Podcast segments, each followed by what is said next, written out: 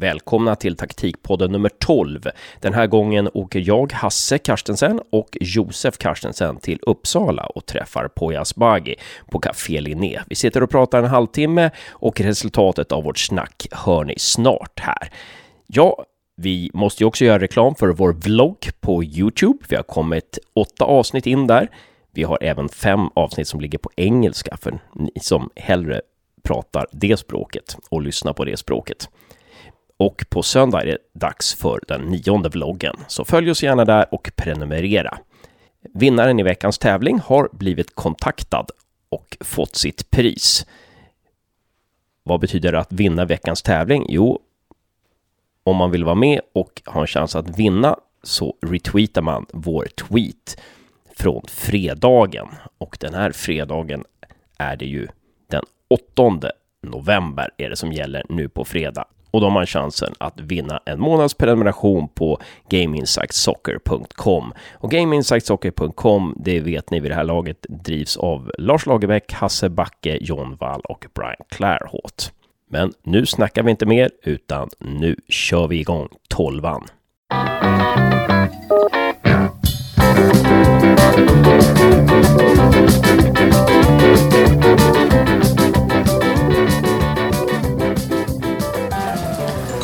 Ja, välkommen till Taktikpodden. Ett stort varmt välkommen på Asbaghi. Tack så mycket. Tack för att jag får vara med. Himla kul att du är med här och eh, vi sitter på ett café i Uppsala och du har lite, lite ledig tid eh, och du ska snart tillbaka till Göteborg och eh, träna, träna. Hur tränar man i slutet på säsongen så här?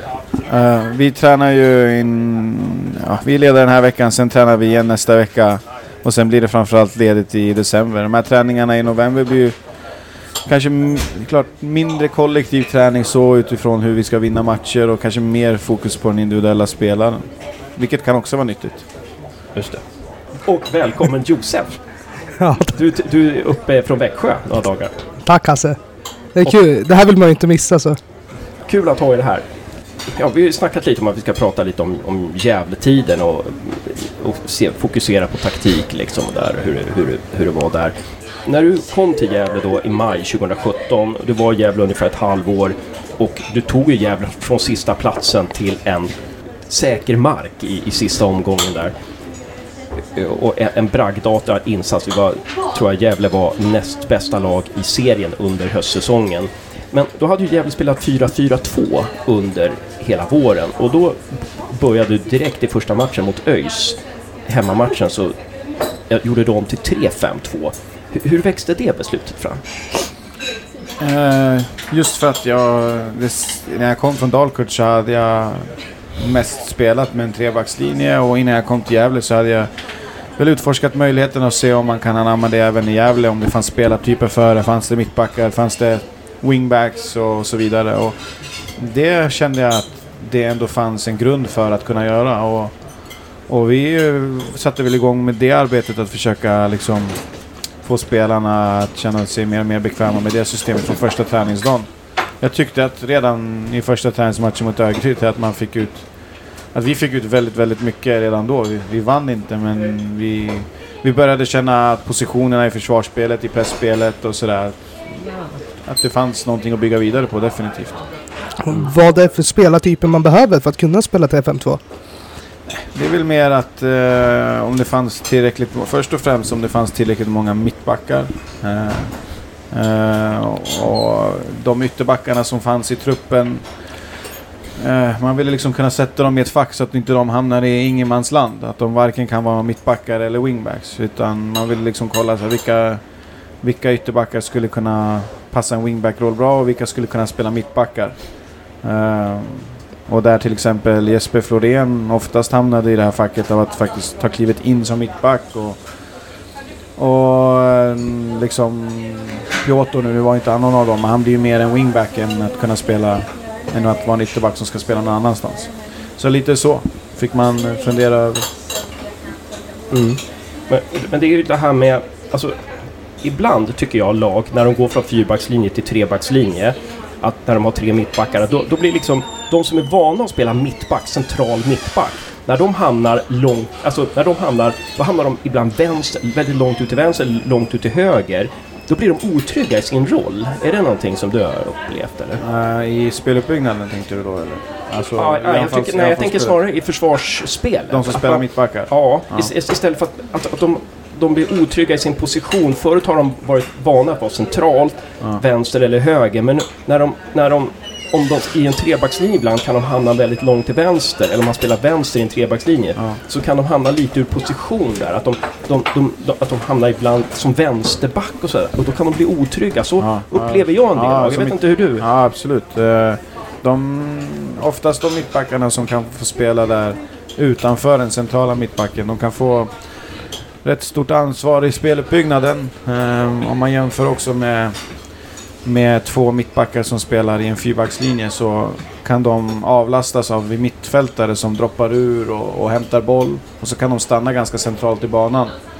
Eh, och börjar du droppa ut med för, med för många mittfältare när du väl spelar trebackslinje då, då kan du bli ganska baktung. Eh, så att istället blir det att mycket ansvar hamnar på de här mittbackarna att kunna ta fram bollen och, och, och spela framåt. Och det krävs att man har spelartyperna för det. Sen tyckte jag att vad vi hade rätt bra det var att vi hade inte så stationära mittbackar. Det var också viktigt i, i valet. För att så ville vi inte spela heller. Att vi ville ha tre fasta mittbackar som alltid har spelet framför sig. Utan Florén som jag nämnde var ju en mittback som kunde gå på överlapp. Till och med eh, eh, till och med Portin kunde användas på, på det sättet också. Eh, så att i vissa matcher när man kände att de inte skulle ha spelet framför sig kunde man liksom skjuta dem. Okej, okej. Just det. Eh, Chris, när vi pratade med Christian Gärder så sa han han körde fyrbackslinje. Eh, för, för, mm, du har inte funderat på 3-5-2 så frågade vi och då så sa han nej, men jag tycker att trebackslinje ofta blir en fembackslinje. Eh, Så här, och det är väl lite det du säger att man kan bli baktung. Det är det kanske är så du menar eller? Det är väl mer i försvarsspelet tror jag han syftar på att man ofta kan Ja, bli en fembackslinje. Och det, är väl, det är väl sant. Sen finns det en trygghet i det också när man väl försvarar lågt. Men jag kan ju hålla med om det, det också, det han säger. Sen, eh, sen behöver man inte hamna så mycket i en fembackslinje när man anfaller, tycker jag. Det är väl, det är väl mer hur man väljer att formera, eller vilka, vilken balans man väljer att ha i laget. Hur gör man för att undvika att hamna i en fembackslinje då? Eh, ha bollen först och främst tror jag. Ju mindre du har boll desto mer tror jag att du kommer att hamna i positioner där dina wingbacks blir lägre och lägre och tvingas ner i banan beroende lite på hur, hur högt motståndarna trycker sina ytterbackar och så vidare. Men, men eh, att ha bollen är ju steg ett. Och det tror jag var viktigt för oss också den, den hösten. Att, att vi förlitar oss väldigt mycket på att kunna trycka ner motståndarna och på det sättet undvika att hamna så lågt med, med spelare som Piotr som passar bättre att kunna vara i offensivt straffområde nästan än eget straffområde. Du, du, jag kommer ihåg att du pratade då om att det är som Gävlekulturen var så... Det, det, man var så inrutad i att inte ha boll så ibland när, när det blev bollinnehav i backlinjen så ropar publiken “Men tjonga iväg han!” Men, exakt. men det, kan, det kanske är så Ja. när man går till att vara spelförande när man inte har varit det. Ja, verkligen. Sen, sen det där hör man fortfarande. Eh, att just att, att tålamodet någonstans försvinner i själva matchen. Att, ja, men skicka upp den då liksom och sådär. Och, eh, jag tycker väl ändå att, att publiken i Gävle, de fick ganska snabbt se att det kunde ge resultat att spela på ett annat sätt. Så att de var väl ändå de var ändå med i processen på ett bra sätt tycker jag och hade förståelse. Även om det alltid kommer finnas någon som skriker. Det kanske också var mycket tack vare er och att ni hade en bra länk mellan vad vi ville förändra och att det finns, fanns en förståelse också rent, eh, rent liksom kommunikativt. Jag tror att det helt var vår Ja, det kan vara det. Nej, men man ska inte underskatta just det. Att för folk som satt på gal, eller de som satt på arenan också lyssnade och, Ja, ja. och på det sättet också fick en ökad förståelse för varför vi gör på ett visst sätt. Men mot ÖIS där, då hade ju Gävle, liksom, Gävle, låg ju sist. ÖIS var topplag då, men dalade sen under seriens gång. Eh, jag tror faktiskt när, när ÖIS slog Gävle med 1-0 där, sen tror jag de hade liksom 9-10 matcher utan vinst eller något sånt där. Men hur som helst, ÖIS var ett topplag då. Och, och, och liksom, det, det kändes ju liksom lite så här ganska vågat med tanke på att Gävle var ett bottenlag och ÖIS var ett topplag. Att du då ville spela med hög press, hög boll, ja, åt, åt, återvinna boll och ha bollinnehav. Liksom, hur tänkte du där? Var inte det, ja, med tanke på att Gävle var ett bottenlag och ÖIS var topplag. Fanns Ja. inte en risk där? Liksom? Ja, alltså jag tycker den där... äh, Den, äh, den, den... Det sättet som man ändå i... Vi i svensk fotboll oftast pratar om att nej men det här går inte, det här är ett topplag och nu kan inte vi pressa dem. Att, att det per automatik ska betyda att om du har ett sämre lag på pappret eller då ska du ligga lågt och du ska inte ha bollen. Det, det är ganska missvisande. Jag tror, att, jag tror att det inte finns någon statistik som säger att bara för att du har ett sämre lag så ska du sitta lågt och då ökar dina chanser att vinna. Det beror på vilka spelartyper du har. Och det gäller att ha ett spelsätt som passar dem. Och vi valde ett spelsätt som skulle passa de här spelarna. Och, och det gör att vi väljer att spela så oavsett motståndare. Sen, kan man, sen ändrade vi alltid balansen i alla matcher beroende på motståndare. Men helhetsmässigt så, så gjorde vi inga stora förändringar. Så det var väl egentligen när vi åkte till Falkenberg borta där jag tycker Skulle att vi, precis säga det. Ja. vi kanske vi ändrade en del. Eh, och ser man egentligen över hela gärningen i Gävle så ändrar väl jag som tränare mer totalt sett under den hösten än vad jag skulle göra eh, på längre sikt med ett lag, om man säger så. Att det blev mer liksom hela tiden, hur ska vi vinna nästa match? Och det blev också att vi försökte bygga ett spel, men jag tycker väl att om man tittar på min tid nu i Göteborg så ändrar vi mindre från match till match för att det är, det är viktigare, eller det är viktigt att hela tiden bygga ett spel som ska göra oss till ett topplag. Där var det också en parallell tanke att hela tiden bygga ett spel, men först och främst var det säkra kontraktet. Ja, just det. Det, det var brandkårsutryckning helt enkelt. Ja. Sådär. Mm. Jag tänker Ja, lite på det du sa om att om man tar ett sämre lag. Men hade Gävle verkligen ett sämre lag än Örgryte? De hade ändå fallit ur och ändå fyllt på rätt ordentligt. Eller var det att laget kanske passar ditt spelsätt mer? Ja, ja det finns, nog... Alltså jag tycker väl att eh, många av de spelarna som, som var i Gävle hade liksom kommit till Gävle för att passa ett 4 4-2. Eller framförallt det sättet att spela som Gävle var då. Det fanns några som jag ändå tyckte kanske när jag kom fortfarande kanske passade bättre just den, i den mentaliteten. Sen fanns det många, framförallt de yngre, som, som egentligen på något sätt var mer gjorda för kanske ett annat spel. Uh, och sen tycker jag som du också att jag tycker väl inte att det var ett... Alltså vi var inte ett bottenlag på det sättet. Det, var, det såg man ju också i våra prestationer på hösten. Att, att det fanns mer att, att hämta eh, hos vissa spelare och kanske för att de fick en annorlunda roll. Men hur motiverar man eh, vissa spelare som Je- Jesper Florén och Jens Portin som alltid har varit höger och vänsterback? Hur motiverar man dem och är övertygar om att de är bra mittbackar?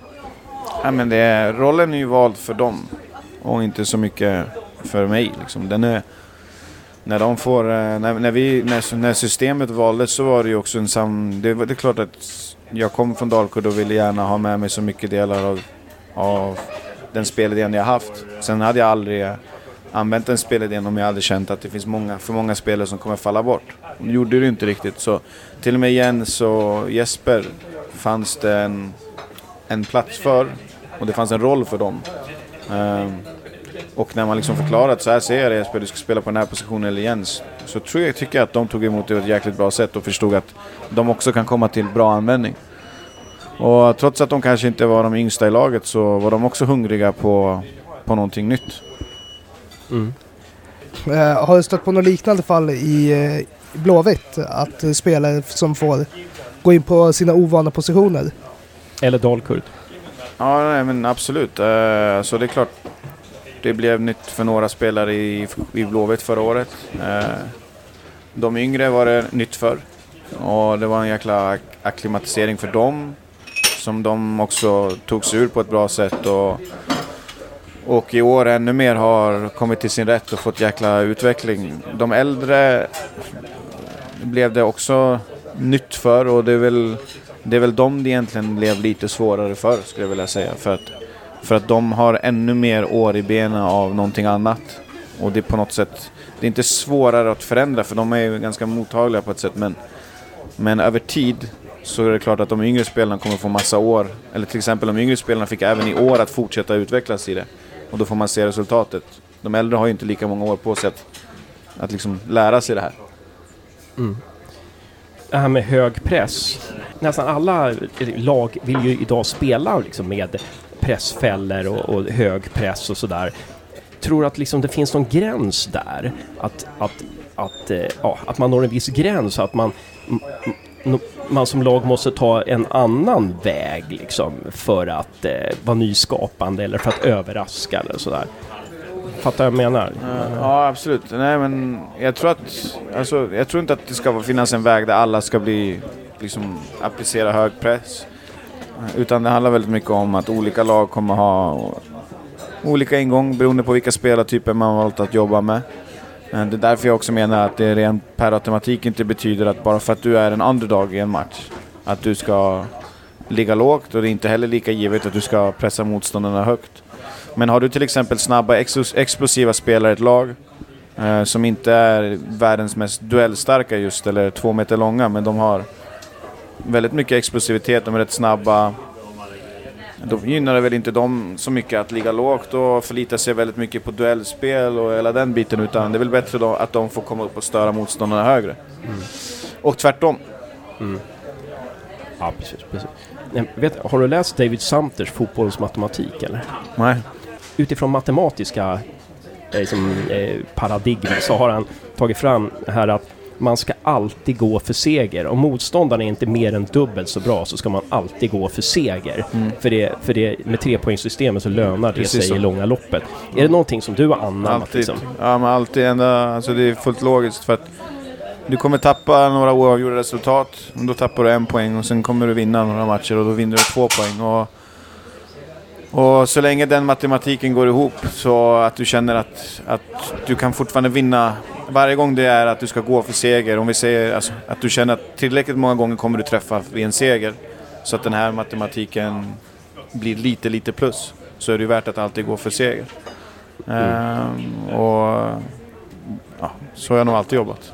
Ja, Sen blir det ändå oavgjort, så tror folk att man är nöjd med oavgjort. Men ja, precis. Men man kanske inte hade fått det är två lag som om går för man- seger liksom. Va, Ja, det du? är säkert två lag som går för seger oftast. Ja, just. Ja, precis, precis. Och, men om man inte hade gått för seger kanske man inte hade fått oavgjort. Ja, precis. Eller, ja, sånt där. ja, men Ja, men när jag blev Ja. anställd så uh, sa, det, sa Per Lagerström att nu har vi tagit in en tränare som kan superettan. Ja. Vad innebär att, innebär att kunna en liga? Nej men det betyder mer än vad folk tror faktiskt. För att just att jag hade kunskapen om, jag hade varit i Superettan i ett och ett halvt år. Scoutat motståndare varje vecka. Kände att jag hade jäkligt bra koll på exakt alla lag. Eh, mycket bättre koll än vad jag hade haft ett år tidigare till exempel. Så det gör också att din matchplan kan vara mer träffsäker. Du vet motståndarnas styrkor och svagheter. Du vet ungefär vad de individuella spelarna kommer kommer ha för klass. Och, och just matchplanerna blir mycket, mycket mer träffsäkra. Det känner jag också i Allsvenskan i år jämfört med förra året.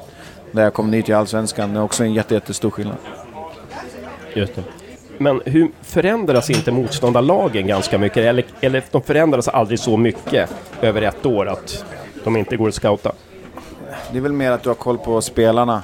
Eh, Okej. Sen kan alltid de få en ny tränare eller ändra balans och sådär. Men, men eh, spelarna var oftast detsamma, att du redan visste ungefär vad de var. Eh, och det, det betyder väldigt mycket. Även om du inte presenterar all information för våra spelare så finns det en trygghet för dig som tränare att veta ungefär vad, vad de kommer ha för balans och vil- vilka spelare som kommer göra vad. Och sen känner du till de flesta tränare också så att du vet ungefär. Även om de alltid kan överraska så vet du ungefär vad de kommer göra. Som det Kim och Tolle gjorde i Sirius, det är ungefär det de gör i Djurgården, ska man kunna säga så? Det Graham Potter gjorde i Östersund, Ja. det är det, det han gör i, Brighton? Brighton. Eller, Svårt att säga. Jag tycker väl ändå om man tittar på Djurgården så är det inte exakt identiskt det i Sirius. Där tycker jag att de har varit ganska bra på att anpassa sig efter den truppen de fick till sitt förfogande. mm, ja just det. Sen vet jag jag har sett för lite av Graham i Premier League för Ja, att veta. Ja, precis. precis, precis. Vad är liksom skillnaden mellan Superettan och Allsvenskan? I, helt, rent taktiskt, man, vi förstår ju liksom att Superettan har sämre spelare och, och antagligen sämre tränare kanske eh, än vad Allsvenskan har. Eh, min, sämre ekonomi och sådär. Men rent taktiskt, liksom, vad är det som skiljer rent taktiskt mellan de två serierna? Har du någon sån där känsla? Förutom tempot. Ja, det är ju tempot är den stora skillnaden. Sen eh, taktiskt så jag tycker väl att om man tittar på lagen i Allsvenskan, just det taktiska i en individuell match sådär. Det är väl inte det som jag tycker särskiljer så mycket mellan serierna. Det är väl mer att att eh, just grundspelet hos de flesta lag är mer utvecklat totalt sett än vad det är i Superettan. Av vilken anledning då? Att man har mer tid att träna på det? Eller? Det vet jag inte, utan mer att eh, tränarna kanske i Allsvenskan är sätter grundspelet på ett bättre sätt. Just den här taktiska flexibiliteten i, i de enstaka matcherna, den har jag inte känt i alla fall är, är större i Allsvenskan än vad det var i Superettan så. Mm. Så den taktiska flexibiliteten, den finns lika my- mycket Ja, den kan du stöta på minst lika många gånger i Superettan tycker jag. Ja, okej. På vilket sätt har Superettan förändrats sedan du lämnade den? Har du någon... Svår fråga. Jag, jag, jag, klart jag fortfarande tittar väldigt mycket på Superettan, men inte lika mycket som då. Men, eh, jag tycker väl totalt sett om man tittar på Superettan och senare, så alltså Superettan var oupptäckt på ett sätt när det kommer till spelarna för några år sedan. Det är klart att alla, de, många hade scouter ute och sådär, men man tömde liksom inte Superettan på ett sätt med, med talanger som man gör nu. Eh, det började någonstans där med Östersund och Dalkurd och Sirius och liksom visade att det går att från division 1 komma upp och fortsätta ta de bästa spelarna i division 1. Och ta de bästa spelarna i Superettan med sig till Allsvenskan och göra det bra där. Eh, och det konceptet har, har liksom på något sätt många tagit efter och det har gjort att kanske den här spetsen i Superettan den finns, ja, i alla fall när jag ser så är den inte lika tydlig kanske som den var för, för några år sedan. Nej. Men det är bara ur mitt perspektiv. Nej. Och den spets som finns kanske inte direkt kan gå från Superettan till Allsvenskan som det var förut då? De har väl tagits tidigare redan liksom. Mm. Men Nej, det är klart att det finns några i Superettan nu som skulle göra det Ja. jättebra i Allsvenskan. Men det känns, min känsla var att det fanns några fler för några år sedan. Jag och Josef är sjukt imponerade av Degerfors alltså. Som slutar tre poäng från uppflyttning. Ja. Det är, det är ganska otroligt liksom. Ja, de, är, Eh, de gör saker bra där med knappa resurser. De verkar ha en verkligen bra... Framförallt tycker jag att de verkar ha en väldigt bra scoutingverksamhet. Okej, det kanske är det. Och vi måste prata med Stefan Jakobsson där någon gång där. Vilka lärdomar gjorde du under Gäv- Gävletiden där? Insikter, felbeslut? Var det några nya grejer som du prövade? Som du, som Nej, just eh, det här mentala av att eh, taktiskt sett och sådär så fick jag ju testa mycket olika saker. Det är klart att man utvecklas taktiskt så. Sen fick jag väl ett kvitto på hur mycket det mentala ger spelare. Att se spelare vara less på fotboll i princip till att älska fotboll. Den förändringen och varför det sker. Så att det var framförallt att man fick lära sig väldigt mycket om psykologi, hur viktigt det kan vara. Man visste det innan men man fick ett kvitto på det. Och det kunde man även ta med sig till Blåvitt till ett väldigt, väldigt, på ett väldigt passande sätt. Mm. Eh, Men taktiskt har jag utvecklats varje år för att jag alltid testar saker. Så där var det inte så stor skillnad över... Det är klart att jag utvecklas jäkligt mycket där också men det har, jag har känt att man har tagit kliv där varje år på olika sätt. Jag tänker lite, vad hade du för plan för Gävle till eh, säsongen 18? Mm. Som inte blev av. Eh, att fortsätta bygga. Alltså, det var hela tiden den här balansen under hösten att hitta att vi ska vinna och samtidigt så får det inte vara så att vi bara ska vinna på ett sätt som gör att om vi inte klarar kontraktet att vi får börja om på något sätt. Utan att det skulle finnas många av de här spelarna som skulle kunna fortsätta vara med i division 1. Har lärt sig saker av våran spelidé som man bygger på och inte bygger börja om så mycket i januari. Eh, och just den balansen var väldigt viktig att kunna hitta. Att inte, det får liksom inte heller bli bara fokus på det långsiktiga så att vi åker ur Superettan. Men det är klart att oavsett hur bra vi skulle göra det under hösten så fanns det en väldigt stor risk, överhängande risk på att vi skulle åka ur. Nu klarade vi oss kvar i sista omgången. Eh, men samtidigt så krävdes det, jag vet inte när senast Superettan behövde ha så många poäng för att hålla sig kvar. Så att det var en kombination av att vi var väldigt avhängda till att det också behövdes mer poäng än normalt för att slippa kval.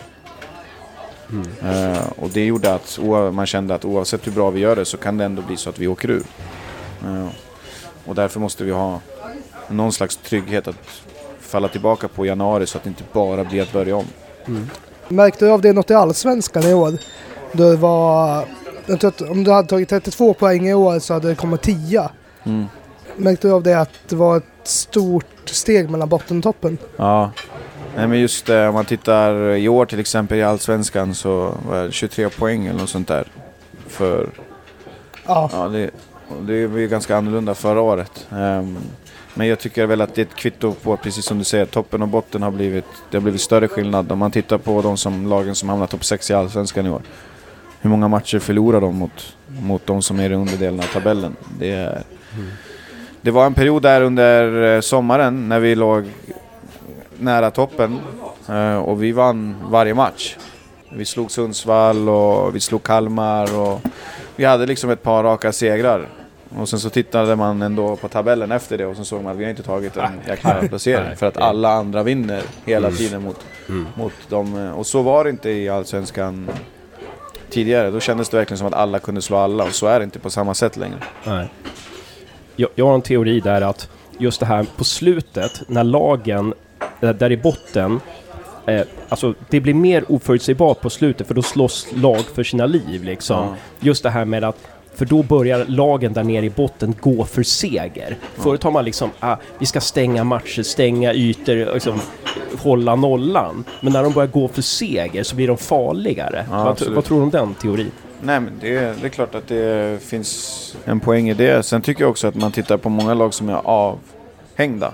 Vissa lag som har generellt sett historiskt redan åkt ut börjar vinna. Trots att de inte måste ha en seger. Eh, och varför blir det så? Jo för att de inte har någonting att förlora längre och pressen försvinner och man kan bara spela ut. Och det kan också ibland det kan ibland göra att du förlorar extremt mycket och du har gett upp i matchen. Men det kan också bara göra att du spelar utan, helt utan press och på så sätt också vinner någonting annat. Du får ut din potential som du Ja. har varit låst liksom. Ja, Så verkligen. verkligen. Jag har en sista fråga, jag vet inte, du kanske har någon sista fråga också Josef? Men, ställ din sista så får jag se om jag hakar på. ja, för att i den sista matchen, jag vet inte om, ja, det här är lite test av hur mycket du kommer ihåg, hur mycket du Ja. kommer ihåg av matcher som har varit, men det är inte bara en test, det är en fråga Nej. också. Ja. Men, men, men den, den sista matchen där mot BP, Gävle Ja. förlorade med 1-4 eller någonting Ja. sånt där. Och eh, då hade ju Mellberg och Valentic, då så sa du att Mellberg och Valentic, de outsmarted mig liksom. De, jag hade en, en plan, men de gjorde det här och eh, ja, det, ja, det, var, det gjorde att vi var känsliga. Kom du ihåg någonting vad de gjorde den matchen? Ja, det var väl mer att jag tyckte väl att det var inte eh, mycket, så mycket de gjorde. Jag ändrade ganska stort till den matchen.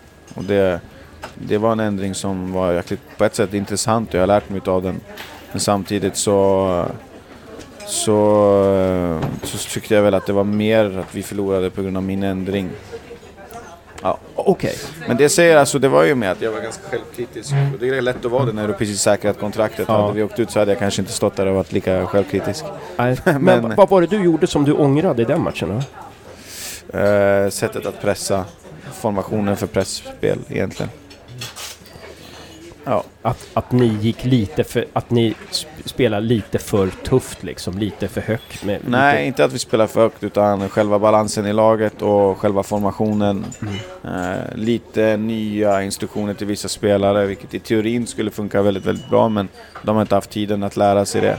Och det där får man inte heller underskatta, just trygghet och kontinuitet i saker och ting. Att, Nej. att ändrar du för mycket så blir det också ryckigt.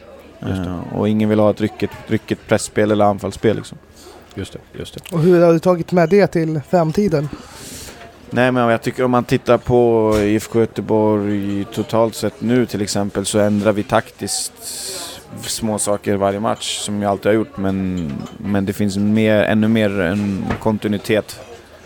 Just för att vi hela tiden också vill bli ett lag som mer och mer spelar lika oberoende motståndare. Men på vägen dit så kan du inte alltid göra exakt det. Nej. Så att IFK Göteborg kanske inte skulle göra som när du hade Gävle mot Falkenberg där när vi spelade, tror jag, fyrbackslinje och spelade ganska reaktivt helt plötsligt. Den, det, en sån stor förändring kanske du inte skulle göra i IFK Göteborg. Jag tycker väl att under förra året var jag tvungen att göra det i vissa lägen för att för att just det här som jag nämnde att man, det var en väldigt avvägning mellan det kortsiktiga och långsiktiga. Vi får inte åka ur med IFK på något sätt liksom. Du och i år så, så har vi kunnat liksom jobba mindre så utan mer och mer bygga vidare på det som redan har funkat och få mer kontinuitet i det. Just det. Ja, men vi kanske är nöjda där. Jag känner mig nöjd. Ja. Eh, känner du dig nöjd? Ja absolut, om ni är nöjda så är jag nöjd. Tack så väldigt mycket Tack för att du tog dig tid och lycka till med allt framöver. Ja, absolut. Samma.